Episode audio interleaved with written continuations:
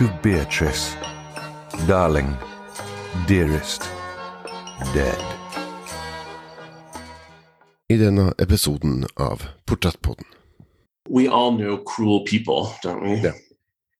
And we all know cruel people who enjoy being cruel. So I think there's uh, there's I think the character of Count Olaf probably resembles the most people in the world.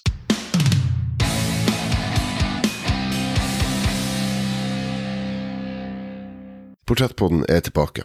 Podkasten hvor jeg intervjuer mennesker som inspirerer meg, som får meg til å tenke, og som hjelper meg å forstå mer av verden jeg lever i. Mitt navn er Mats Lasse Jangås, og sammen med min gjest, den verdenskjente forfatteren Lemony Snicket, skal vi være stemmene i hodet ditt den nærmeste timen. Bøkene som til sammen utgir en serie uheldige hendelser, tok verden med storm da den første boka kom, i 1999. De totalt 13 bøkene omhandler skjebnen til de tre foreldreløse Baudelaire-barna som mister foreldrene sine i en mistenkelig brann, og blir etterlatt en stor formue. En formue som deres nye verge, den onde grev Olaf, gjerne vil ha klørne i. Siden utgivelsen har bøkene solgt over 60 millioner eksemplarer, og blitt oversatt til over 40 språk. Som et usikkert barn som ofte ble mobba og følte seg utafor, var en herlig følelse å kunne dykke ned i den fabelaktige verden Lemony Snicket hadde skapt. Og selv om bøkene og karakterene har fått en helt ny betydning nå i voksen alder, er det fremdeles et univers jeg gjerne vender tilbake til. I løpet av denne episoden prater vi om en serie uheldige hendelser. Hans nye bok Poison for Breakfast, hans inspirasjoner og hvordan han arbeider som forfatter. Vi vier også en stor del av episoden til å prate om ville geiter og det mye undervurderte strengeinstrumentet cembalo. Det kommer til å gi mening etter hvert. Med det ønsker dere riktig god fornøyelse, og her er Lemony Snicket. Today's guest is one of my greatest literary heroes, a man whose books and writing uh, were pivotal in my falling in love with language. Pivotal, a word here which means of, uh, of crucial importance. Um, you may know him as uh, Lemony Snicket, the author behind the world-renowned series of books, A Series of Unfortunate Events, as well as other joyous and gruesome uh, stories for children and adults of all ages. His uh, latest novel, uh, Poison for Breakfast, uh, recently came out to great acclaim, and uh, I'm glad to say that uh, Daniel Handler, uh, being his real name, uh, joins me today all the way from San Francisco. How are you today, sir? I'm fine, thank you. How are you? Uh, how how is uh, life in the, U.S. treating you? Um, how is life? Not too bad. Um, San Francisco is fairly uh, stable in the pandemic. Um, so it's I so we feel lucky to be here for sure. Yeah, and uh, if I've done my my research uh, correct, um, uh, I'm meeting a, a few years in in New York City. You you've spent your well at least most of your life in San Francisco. Yeah, I grew up here, um, and I did. I lived in New York for a little window, but um, I always wanted to come back here, and I don't Mm. think I'm going to end up anywhere else. Yeah. What is it then about? Well, uh, draw the curtain back a bit. I, I, I only have the, the most general knowledge of of um, of the U.S. Uh, I've never been outside of Europe. But uh, what is it then about San Francisco that that makes you fall in love with the city and always makes you want to come back?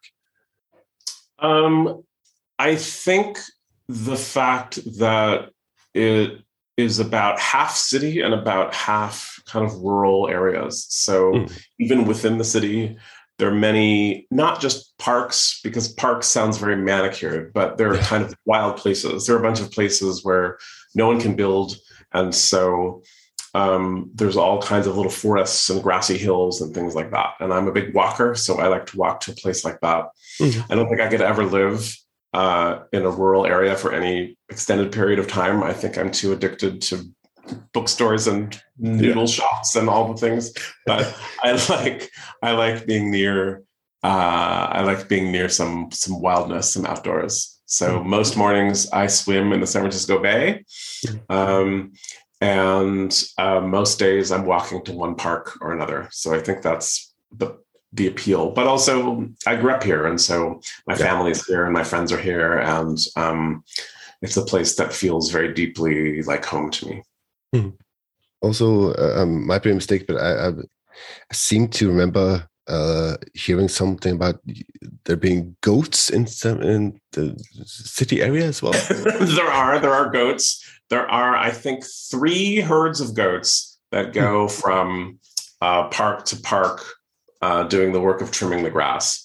Uh, Yeah. It's always startling to see. You'll just be walking or you'll drive and you'll go around a corner and suddenly a hill that you've seen a million times will be covered in goats.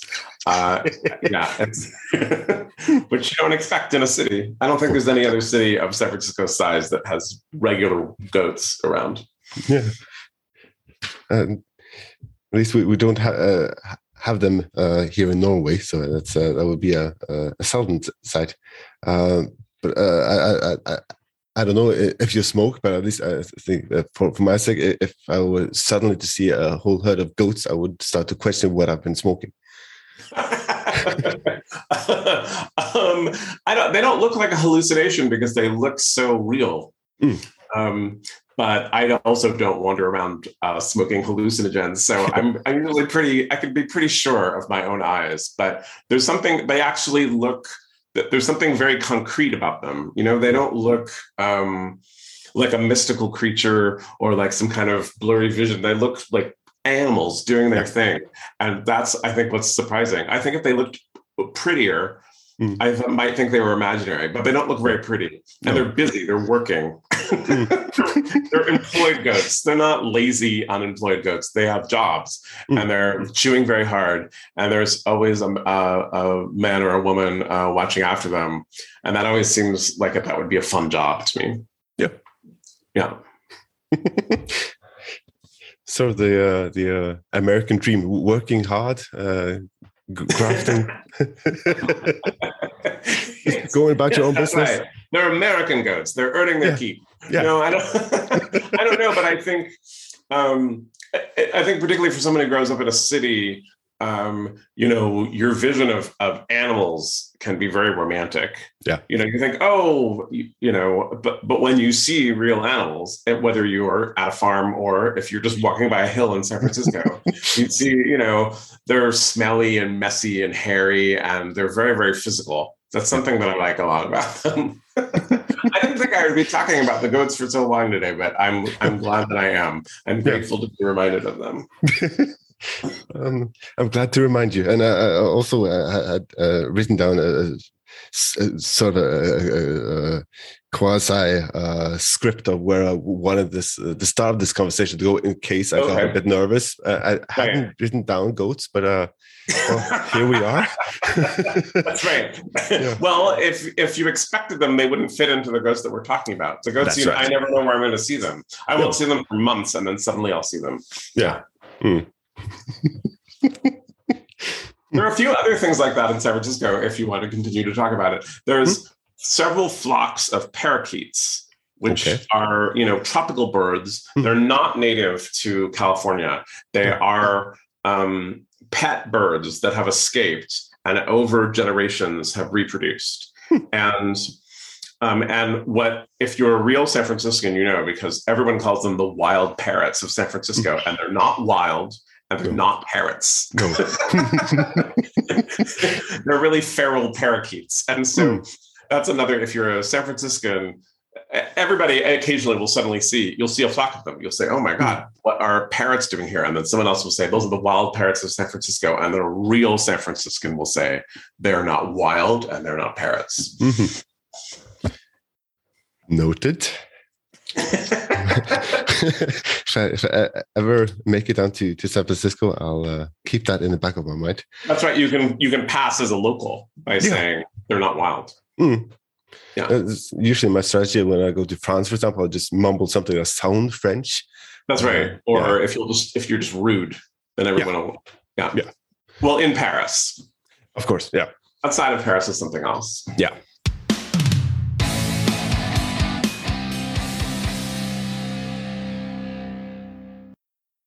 Well, uh, as I said in, in the introduction, you're you're also um, well known uh, under another name, that being Lemony Snicket, and uh, writing a series of unfortunate events, which I'm sure we'll we'll get to during the course of this uh, this interview. But um, uh, your your latest novel, let's start with that one, uh, 'Poison for Breakfast'. I mer enn 20 år har Lemony Snicket ledet millioner av unge lesere gjennom en mystisk verden av forvirrende spørsmål og uheldige hendelser.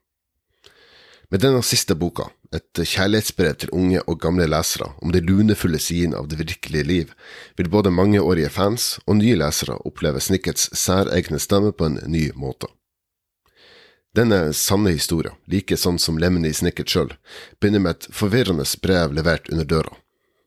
Du spiste gift til frokost.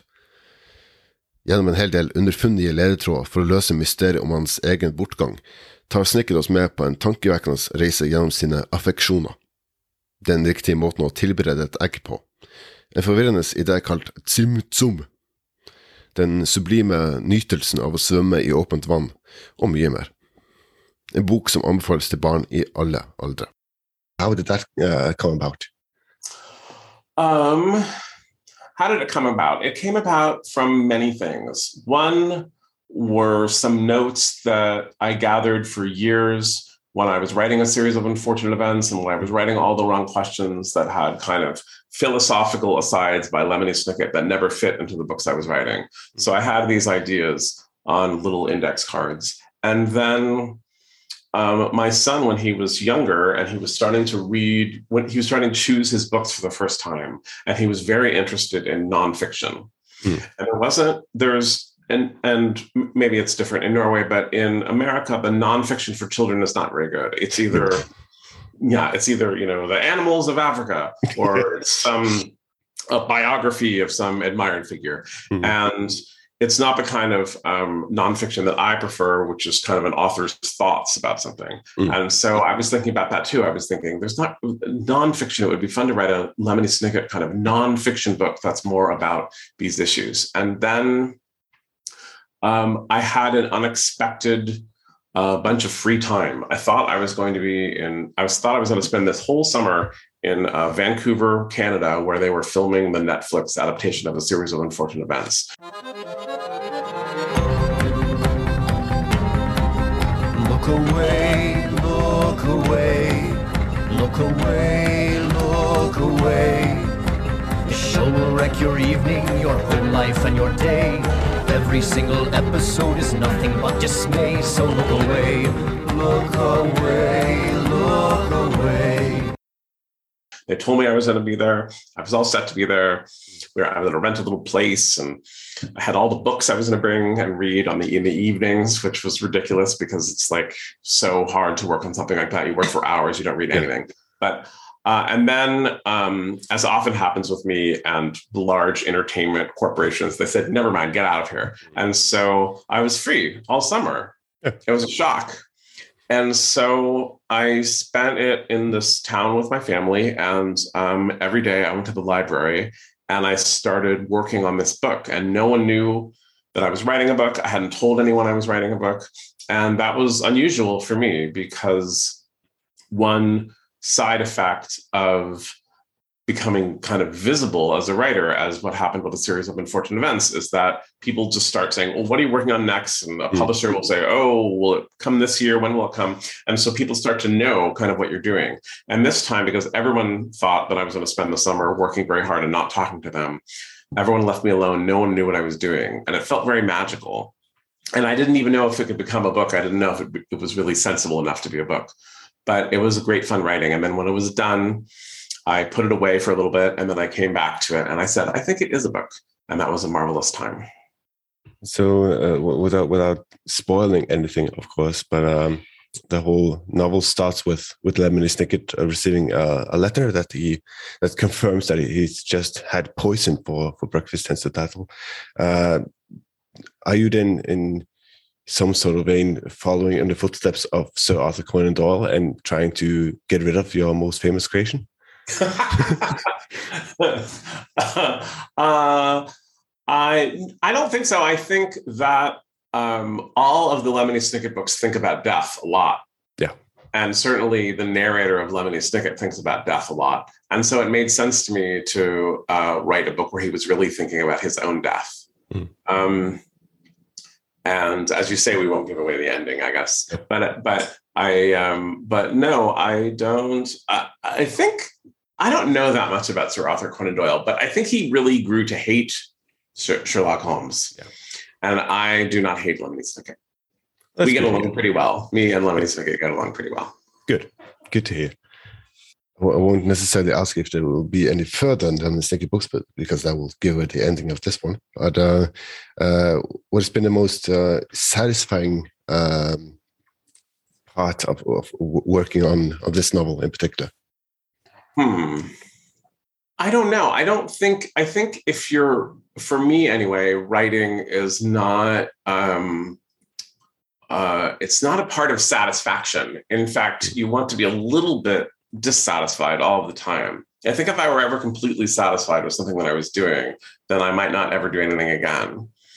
But um, it was delicious to write that first draft at a time when no one knew I was writing a book. Um, and then I I do whenever I write a book. Uh, now I put it away for at least six months. I try to put it away for a year. I used to put it away in my refrigerator in the crisper. I don't know what the word is in Norwegian. I, in fact, I don't know what hardly any words are in Norwegian. But the crisper is like the drawer in the refrigerator where you keep vegetables, and I would Yeah. put it there because another writer told me that they put their manuscripts there in case the house burns down Mm. that that it won't burn. And I don't know if that's true. And then I had an argument with my wife about whether the crisper drawer is for vegetables or whether it is for manuscripts. and at the end of this argument, uh, I was given a gift by my wife, which is a fireproof box. So now I keep my manuscripts in a fireproof box in a closet. And sometimes when I take out the manuscript, it is a mess. It is definitely not a book. And this time it it was a mess, but but I could see that it really was a book. So that was fairly satisfying. Um, finding a good illustrator was satisfying. Um, it's my first book with a different publisher, so working with a new editor and a new publisher was really satisfying. Um, and then um, usually I travel a lot when a book comes out, and obviously it, the state the world is in, I traveled a lot less. But I did get to go some places, and that was satisfying too, particularly because it had been so long since anyone had done any traveling, and it was nice to go someplace and then to feel that people wanted to come talk to me, um, even after such a long time of not doing anything. That felt Hmm. nice. So uh, all of that, but I don't know if satisfying. I like to be dissatisfied. I like to uh, kind of stay hungry artistically and to think, oh, next time it will be better. That's a better feeling for me. I think a book is at its best when it is entirely imaginary Mm. because nothing has gone wrong. You know, and so you have a vision of a book and you think, oh, well, this one is going to be so elegant. It's going to Mm. give me no problem whatsoever. And it's just going to be perfectly fashioned. Nothing is going to go wrong with it. And as and then as soon as you start to write the first draft, you begin to think, oh, this is pretty shabby, but I can, I can I'll make it better. Mm. And then you, and then at least in my case, you never really. Uh, it isn't that you reach a state of perfection. It's that you say, I don't think I can make it any better than I've already made it, which is not the same as thinking that it's perfect at all. But you think this is be this is the best I can do, and um, it's that's a fairly sad journey from that first idea where the where it's perfect and magical to the actuality. Hmm. But it's like anything else, right? It's like a perfect day that you try to plan, and then it and even if it's a wonderful day, you think, oh, but if I really, really look at it, there's something that could have gone better. Hmm. And so, um, yeah, when I was, I'm trying to think, when I was younger, I had this, uh, well, I still have it someplace. I had an album by Sonic Youth. And on the side, it said, once the music leaves your head, it's already compromised. Yeah. And I thought that was very well put. Yeah.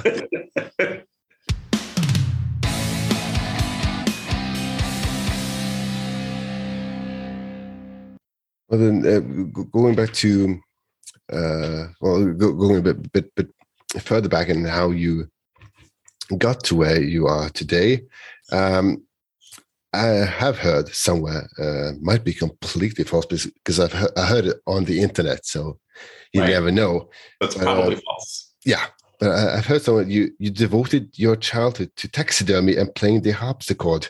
So, so what what made you then give up on those those lofty dreams to become a writer instead?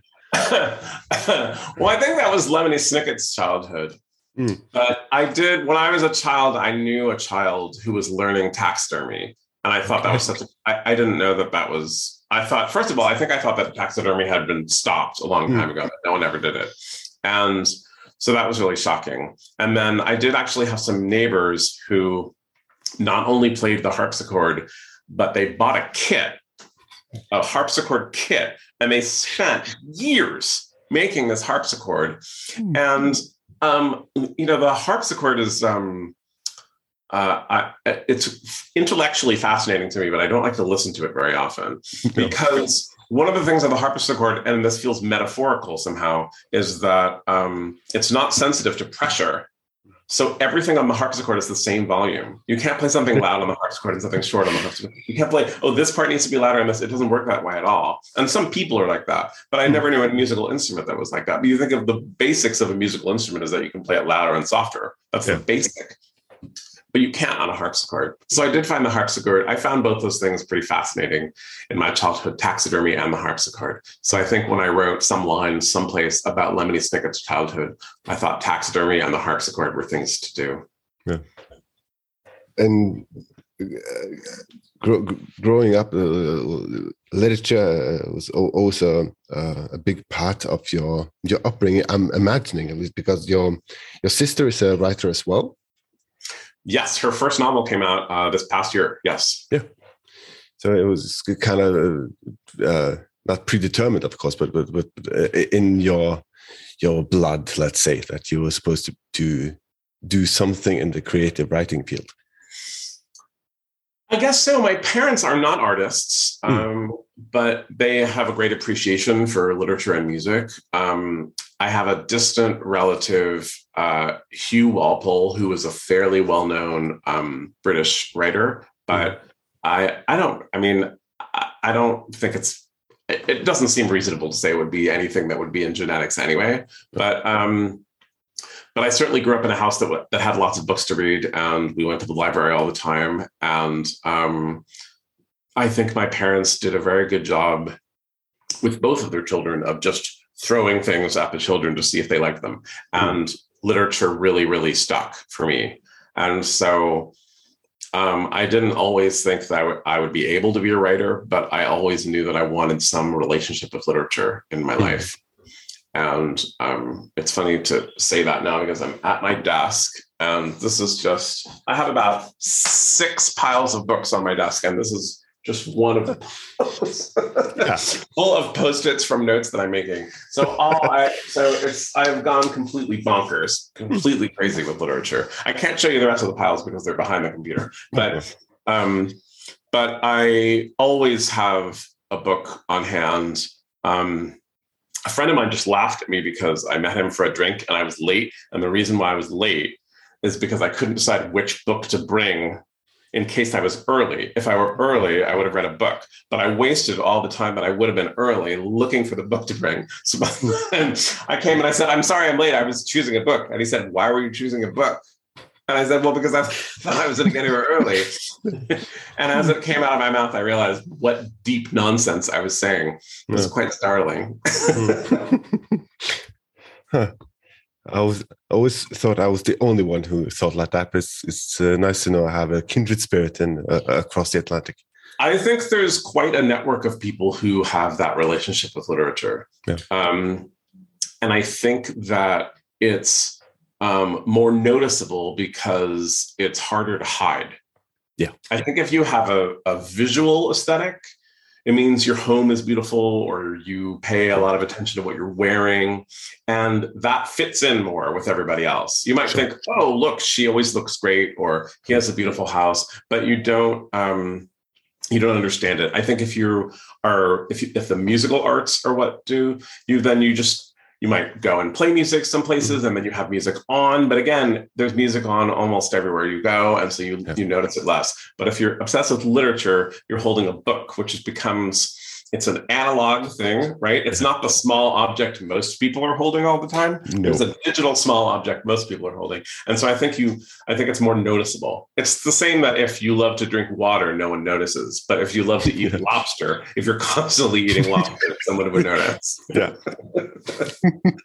I guess that also applies to uh, if you're playing the harpsichord, but uh, you- you're Yeah, bound to notice at least. Yeah, exactly. Yeah. Right. Hmm. Right. All my neighbors had all kinds of things growing up, but what I remember is the harpsichord kit. Mm. It seems so exhausting to spend all that time together putting a harpsichord, and then at the end of it, you only have a harpsichord. It's not very impressive. Yeah. I mean, it's impressive, but it's not um, sensible. What are you going to do all day? Just sit and play the harpsichord in your house, and you can't take it anywhere. No. You're just stuck at home, lonely with a harpsichord. Yeah. it's a bit sad, really. it is. It is. Yeah. It's melancholy. Yeah. Ah. Uh, that that will also be a great epithet if, if someone were to to to pass away. uh, They're survived by their favorite harpsichord. Right. Or you could be buried in it if you were little enough. That's right. Yeah. I don't think I could be buried in a harpsichord, but some people I know could. Yeah. I couldn't either, to be honest, but uh, Yeah. I'll give it a go. that, that would probably be the death of me trying to fit into a harpsichord. But Yeah. I'm going on a tangent here. So you would it you would do it before you died. yeah. They would, they would say he's really looking grim today. Let's put him in the harpsichord. Yeah. oh look, he's dead. Perfect. Bury the harpsichord. Problem Remove solved. the legs. They should remove the legs of the harpsichord before burying it. Then you it's a narrower hole. A narrower hole. Oh, well, we we, ask the, the big questions in, in Yes. this podcast. Yeah. No, I'm glad. I'm glad goats and the harpsichord are um, Yeah. the core of what we're discussing today. That feels worthy. That's, uh, Podcast also that does wonders for my my ego knowing I have one of my biggest heroes uh, on my podcast. I spent 20 minutes talking about goats and harpy, harpsichords. But oh well. the stuff of life. That's okay. yeah, yeah.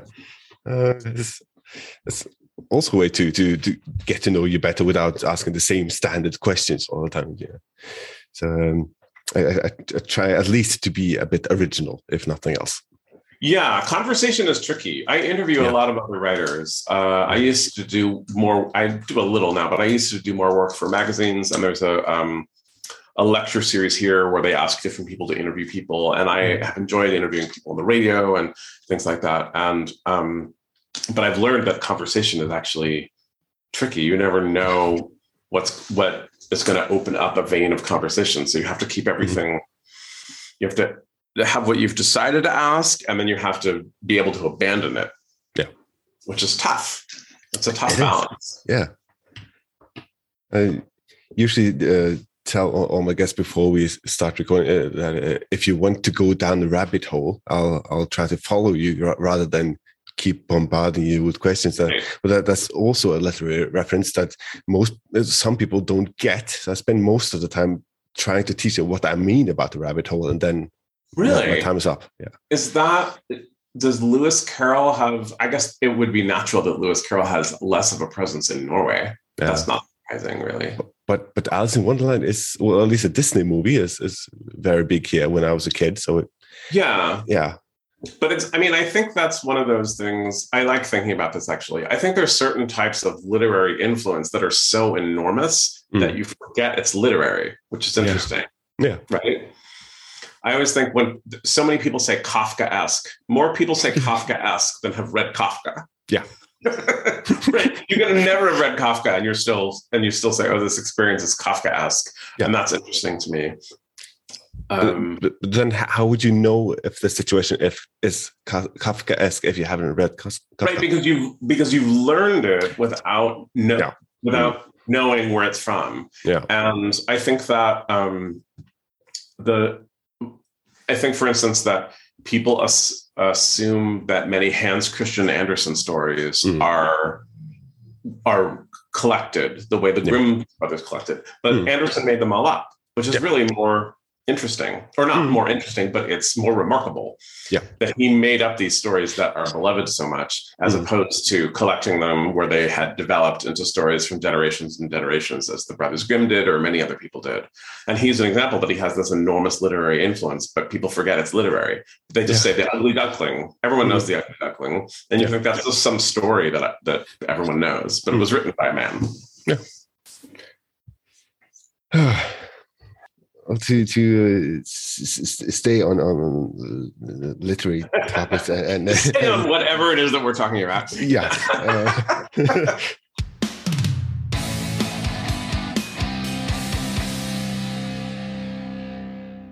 I read somewhere, and I, I also feel I, I noticed that in your writing that you're you were at least uh, early on uh, very inspired by Roald Dahl. Yeah.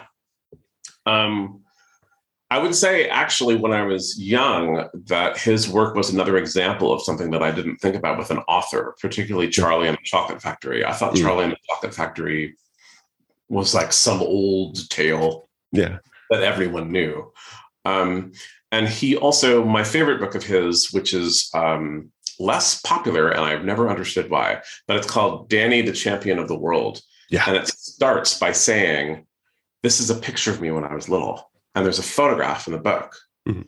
And then the rest of the story goes on, and it's a fairly wild adventure. Mhm. And I think that's a very Snicket moment for me Yeah. because there was this photograph that felt Mm. real. And you think, I, I guess this whole story is real.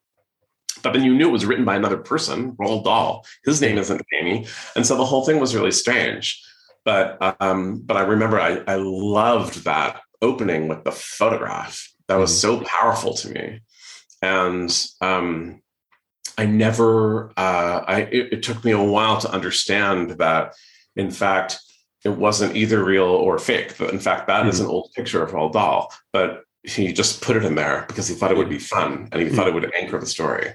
And so I think that was a big influence. But also his um, most of his books have this a narrator who will say, you know, you and I would never do this, but now this character did this. Mm. And I liked that too. I liked the sense that the story was being told by someone.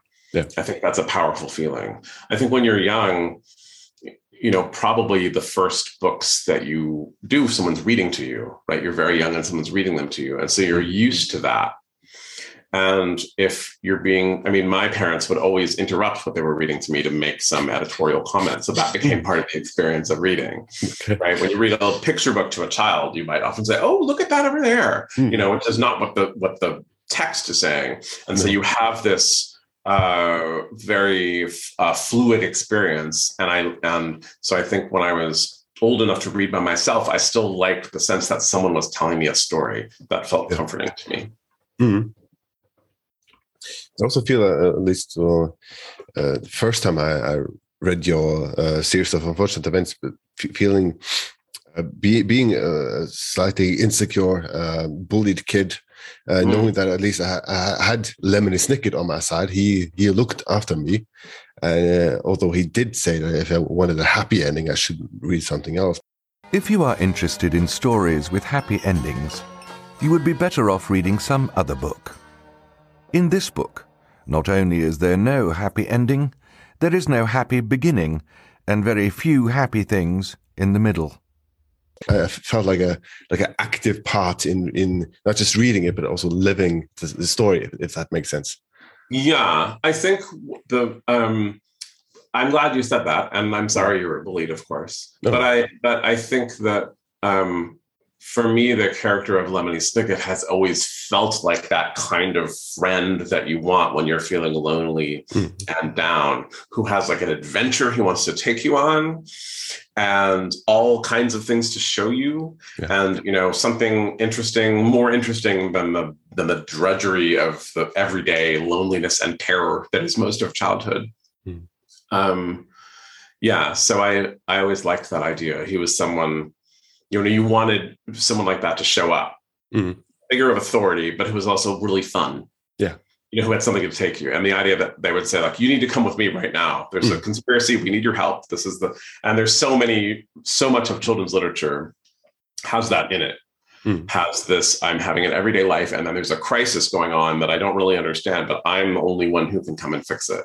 Um, and I think that's from that fantasy of when you're lonely that you want someone to take you out of your loneliness to a more interesting place. Yeah. And I also remember um, uh, my first first reading of, of those those books uh, were in in Norwegian, but then uh, so uh, uh, naturally evolving into wanting to read it in in the original language. And like I said in the introduction, that that made me fall in love with with language and the the way you can create words with just a few sentences that that really fueled my imagination. Um, Thank your, you your uh, series of events has been sold in sold over 60 million copies and been translated to over uh, 41 languages. So, uh, do, do, you ever get, get that um, moment from from readers where you think, well, I, I, that some somehow it's been lost in translation here? Well, English is the only language I can read in. Okay. And so I um, I don't have any direct experience of it being lost in translation, but I um, I often can't. I mean, I think the idea of translation is so strange mm. In literature because so much literature that I love came to me through other languages and came to me through translators. But on the other hand, I don't. How can I know that that is really what I love? How can I know what I love about it? Um, because it's the word books are made of words mm. so if i don't really have the right words how can i have them yeah. and every so often a translator will uh, write to me and ask me some question you know they'll say does this are you trying to make this kind of joke or is this a reference and oftentimes I think this is the first time I've been asked this, and this book has been translated all over the world. Yeah. And then, you know, and it's finally one person, the Arabic translator or the Finnish translator or mm. something will say, I have this question for you. And I'll think, no one has asked this. How did they do it without asking these questions? So yeah, I I do I mean fear is big, but I I mean I think there must be the knowledge that the experience of reading it in other languages is obviously something else. Yeah. And um, but that's in some sense, I think when you're writing, you you know that you can't control the experience of the reader, mm-hmm. right? That they'll say, uh, you know, they'll read for a while and they'll be like, ah, and now I want to do something else. And you'll think, but I worked hard. You don't you want to keep reading it? And they'll say, ah, maybe in a minute I'll read this it. This is my livelihood. Yeah.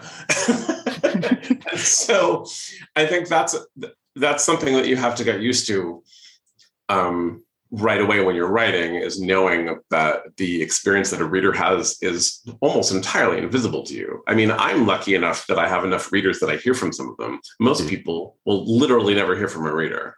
Oh. And so I think that's a curious um, experience and it's something that you have to get used to. But it's also something that because if you're writing, you're also a reader. And so you know right? We say this to people all the time. Oh, you know, I think the book was good, but I just wasn't in the mood for it. You know, or this book has a you know a, a, tall mother, and I had a tall mother, so I loved it, but I don't really know. I don't know if the book's really good or if it's just my thing. People talk about books like that all the time, and so you just have to resign yourself that that's going to be something that you're um, that you don't know if it'll be that you you can't control. Mm-hmm.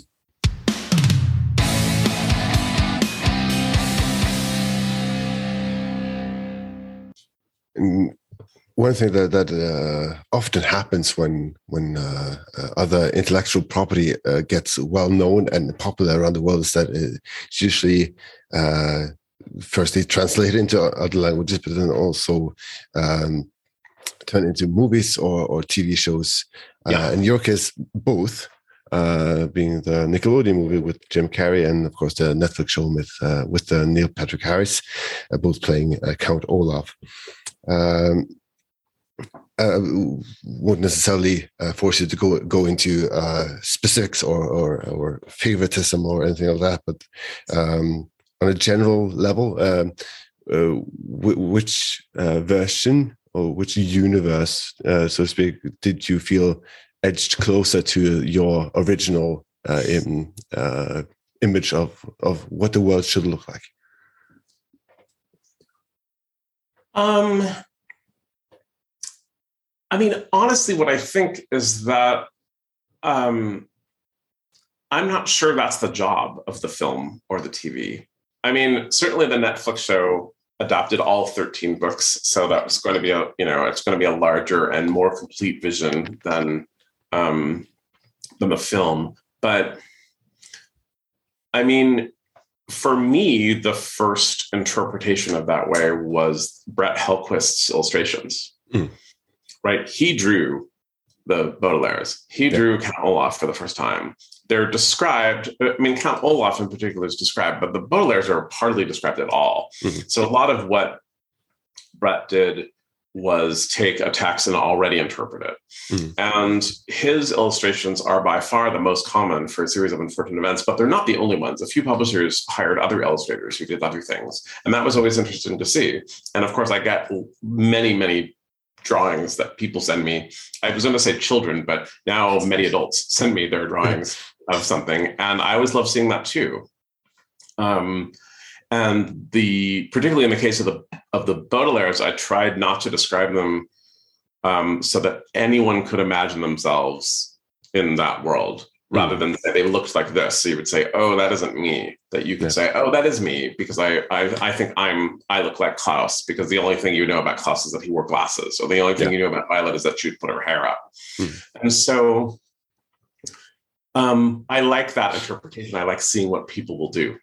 And so it's the same with the movie and the TV show. It's the same with, I've seen all kinds of little theater adaptations or um, something that, you know, someone will put up a little YouTube of them acting up a scene or something like that. And sometimes I'll see that. I like seeing all of that. I'm just interested in it. And so I don't think of myself as having a specific vision. And if Netflix didn't get it right, it's not good. Hmm. Um, it was more that I was curious what they were going to do. And so I did some work on the scripts for both of those, for the movie and for the um, TV show too. Yeah. And I was fired from both of them. And so it was more that my vision was incompatible with their vision, that their vision was incompatible with mine. Um. But and sometimes that was really hard too. So I don't want to make it sound like I'm always easygoing on this. But I think in the long run, it isn't that I have a vision in my head that they have to do. It's that I'm curious to see what their vision is and how they would do it. Mm. Naturally, you get a um, a lot more time to to de- develop characters and and the world building uh, through a, a, a TV series with three seasons as opposed to a, a movie uh, with a runtime of ninety minutes. Yeah. Um, and both have pros and cons, I'm I'm, I'm sure, but uh, uh, uh, you uh, be, being uh, involved in, in the process at least uh, to begin with, and and then uh, later on uh, watching us watching it. Do, do you do you um, are you able to to watch it as an objective viewer, or are you no? No. I mean, for one thing, um, when you're involved in the making of it, you see many, many versions. You know, you see a rough cut, you see a weird edit, you see, Mm. oh, we're going to try this thing. And so you see all these different versions. Um, a few years ago, I was at a literary festival and we were, it was, there was a panel on film adaptations and they showed a scene from each person's film. And so they showed a scene from the Lemony Snicket movie, which I hadn't seen since it was open. I hadn't seen in years. And I totally forgot that the scene that they showed me was in the film. I could have sworn that we edited it out. and so um, I don't, you know, I don't even have a grip on what is in actually every episode of the Netflix show because I saw so many things that we filmed and we tried so many things and I forget and things like Hmm. that. And so um, I can't I can't even be an objective viewer in terms of what the content is, let alone what I think of it. um, and mostly what I liked, what I was hoping to hear, and I know that Netflix was hoping for this too, was that I like to hear from families who said we all watch it together and we're having a great time. Mm.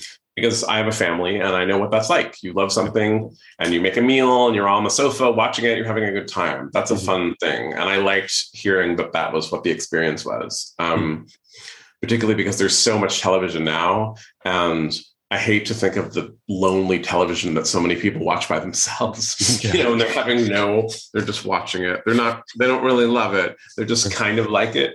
And um, I think the whole point of moving television to the world of streaming and on demand is so that you can watch it with people so you can have this experience. So Mm. that's what I liked hearing most was people's experiences. It's really I'm not that interested in what I think of the adaptation because as we said, once the music leaves your head, it's already compromised. I already had an idea. I had it a long time ago and I wrote it a long time ago too. And so what other people are doing is interesting to me, but I don't I don't think I'm the person that people should please. And that is also what Paramount Pictures and what Nickelodeon and what Netflix thought. They also didn't think I was the person to please. So it's good. In that we were in agreement. Yeah.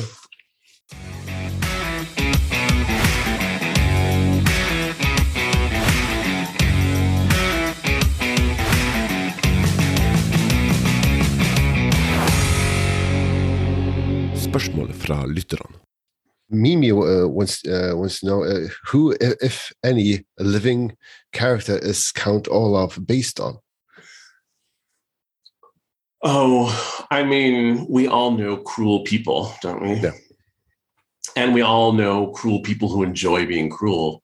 So I think there's uh, there's I think the character of Count Olaf probably resembles the most people in the world out of all, out of all the characters. Because um, yeah. So uh, you know, I didn't base him on any specific cruel person, but I just have you know experienced cruelty in my life uh, as everyone has and so that's where it came from. Yeah. joyful cruelty. Someone who enjoys being cruel. That's what it came from also noticed that uh, writing, uh, uh, reading it uh, as a kid, I, I thought of um, one of one of my teachers as Count Olaf, and now as an adult, I think of uh, someone very different, uh, based on what, what I've also uh, been through uh, as uh, as I've gotten older. Um, so I think I find it, I find it interesting that that the same character revisited a few years Right. later could seem completely different. Yeah Um, that makes sense yeah. Um, second question from Mimi. Uh, um, uh, given what the three Baudelaire orphans has to go through through your uh, series of books, uh, how was your childhood? And do you uh, is this some some sort some sort of of of, of, of um, repentance or something you you have to you have to get out? um no I, I i i mean obviously my childhood was less uh eventful than Mm. that of the baudelaires they would almost have to be i don't think anyone who experienced what the baudelaires have felt would would would have the you know would have enough stability to sit around and be an adult writing Yeah. um, but I um, I came I come from a family that fled uh, Nazism in the late 30s. Hmm. Um, so many family members were um, unknown to me, were lost to me because of that. Um, and um, I I grew up in a large city that was full of everyone's um, stories of immigration and um, or otherwise coming to to America and sometimes specifically to San Francisco for sanctuary because of um, what they looked like or how they worshipped or or who they loved. So I think I I think thinking about all those experiences was was part of it, and then all of the literature that I liked best when I was young, what had melodramatic things happening in it. Yeah. Some people liked books where you know two children have a perfectly average time and everything happens. I didn't like that. I liked No. dragons attacking or you know a house being haunted or anything like that. Hmm. Um, and in fact, the uh, most famous book by Baudelaire, The Flowers of Evil, is a book that I read when I was 12 years old for the first time. And I took it from the library because it sounded like a novel where terrible things were happening, The Flowers of Evil. You know, and I thought, oh, this is going to be great. And I took it home and it was not what I expected. But, No. uh, but I like, but I was always drawn to that kind of melodrama. The last uh, uh, listener qu- question is a, a, bit of a long one, but I'll, okay. I'll try to skim through it. Uh, Agneta uh, says here, uh, quote, a series of unfortunate events uh, always felt like it had faith at its audience. Uh, as a writer, you seem to assume that children could be clever and attentive readers capable of appreciating complex and dark storylines that didn't necessarily offer clear answers or happy endings. Uh, there were also some unusual and excellent stylistic uh, uh, choices made with regards to literary devices, formatting, and um, on and, and, and having an, an, ongoing meta narrative.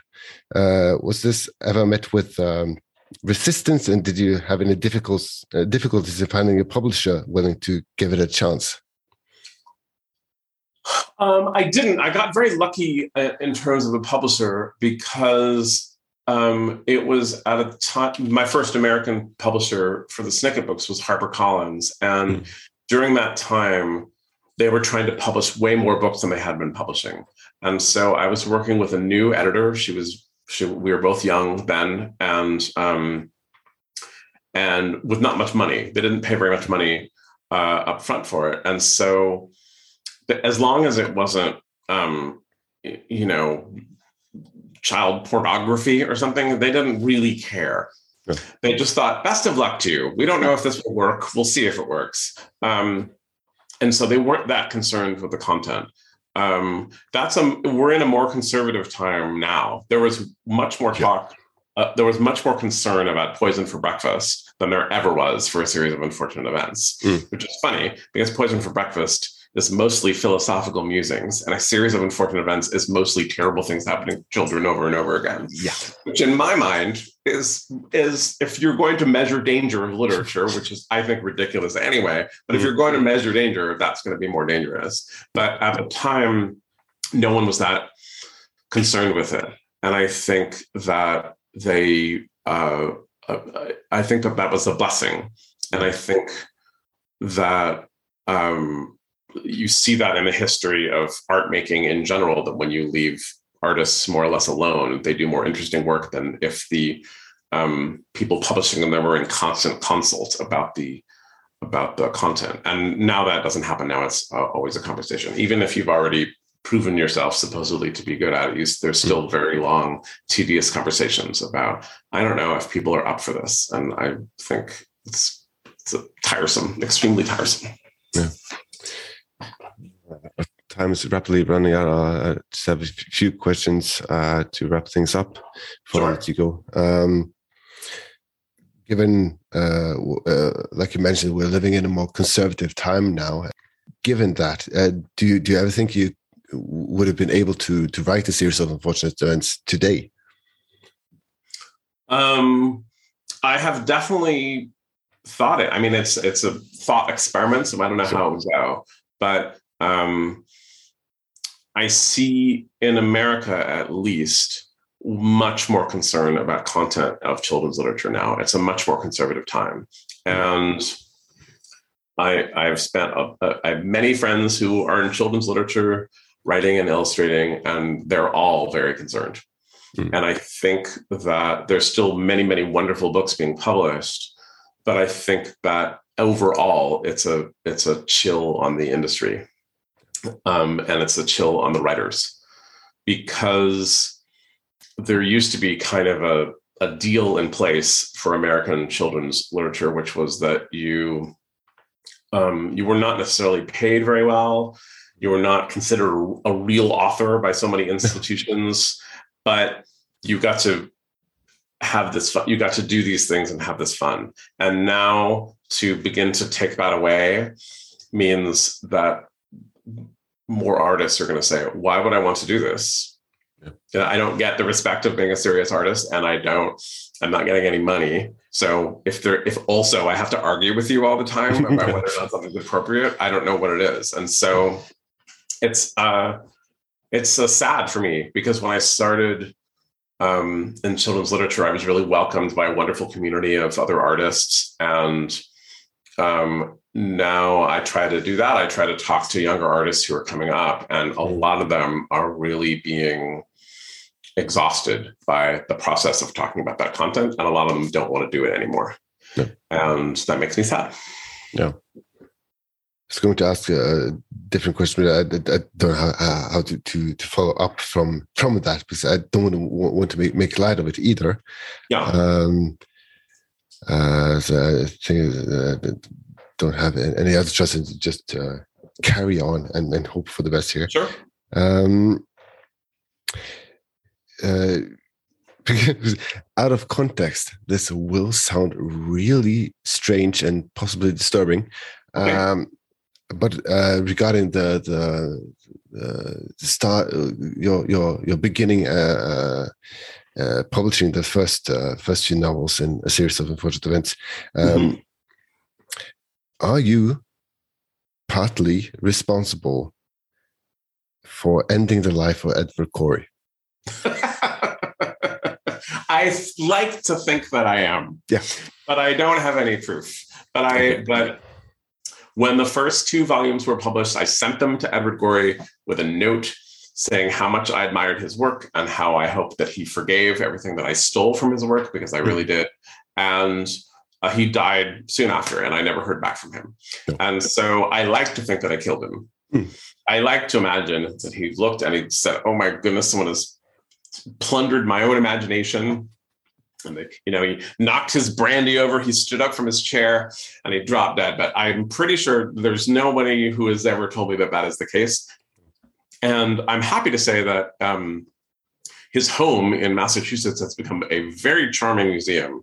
They've really done an excellent job of it. And um, I've been there many times and I've met, pe- it's being cared for by people who knew him well. And none of them have ever said, look, it's the man who murdered Edward Gorey, get him out of here. So I think, even though in my fantasy I am responsible, I think I have to accept that maybe Edward Gorey died all by himself and that I Hmm. didn't help. him. Yeah. Oh, well, Oh well, you win some, you lose some. yeah. Um, and, and just like the, the romantic uh, imagining of him just, just standing up and and say uh, shouting, "This is preposterous," and then just keeling Yes. over and yeah, yeah. Um, but he's a real inspiration and um, and even his house is an inspiration. One of the things in his house, he used to go down to this uh, diner. He used to walk to the diner every day and have the same lunch. And they took his receipts from the diner, a month of them, and they framed them and gave it to him as a birthday present.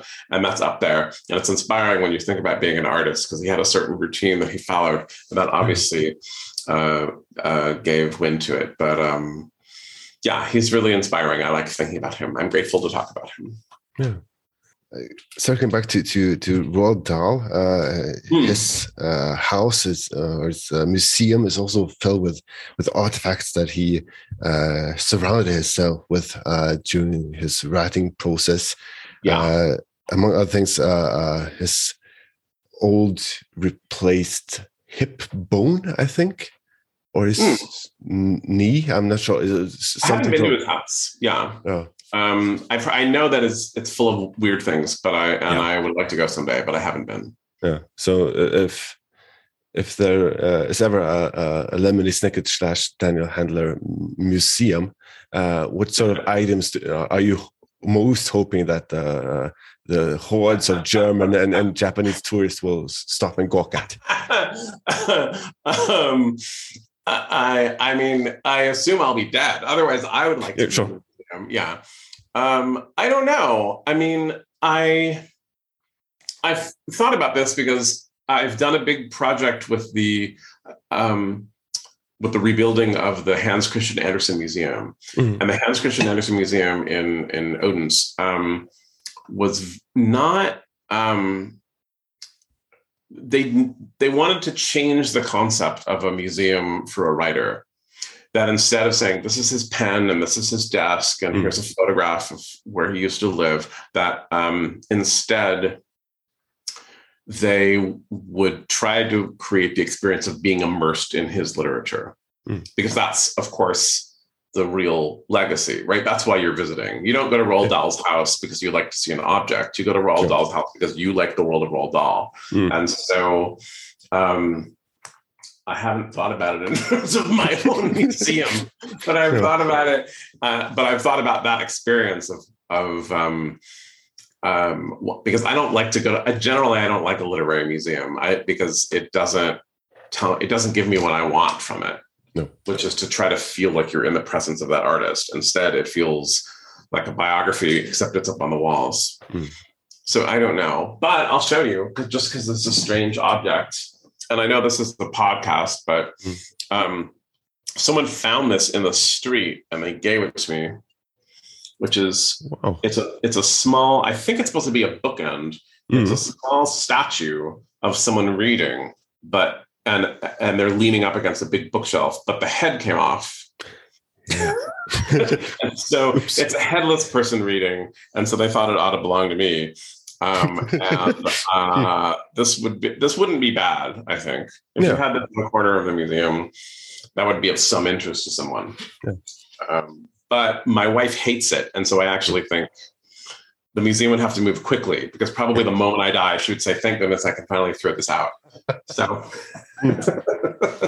now, whoever's planning the museum knows that they have to move quick. now you know, and just just, put, put put some uh, emotional blackmail on your wife, if I may. Uh, you could just say that that that. that uh, this bookend is, is really a sculpture of Edward Gorey. Then it it has sentimental value to.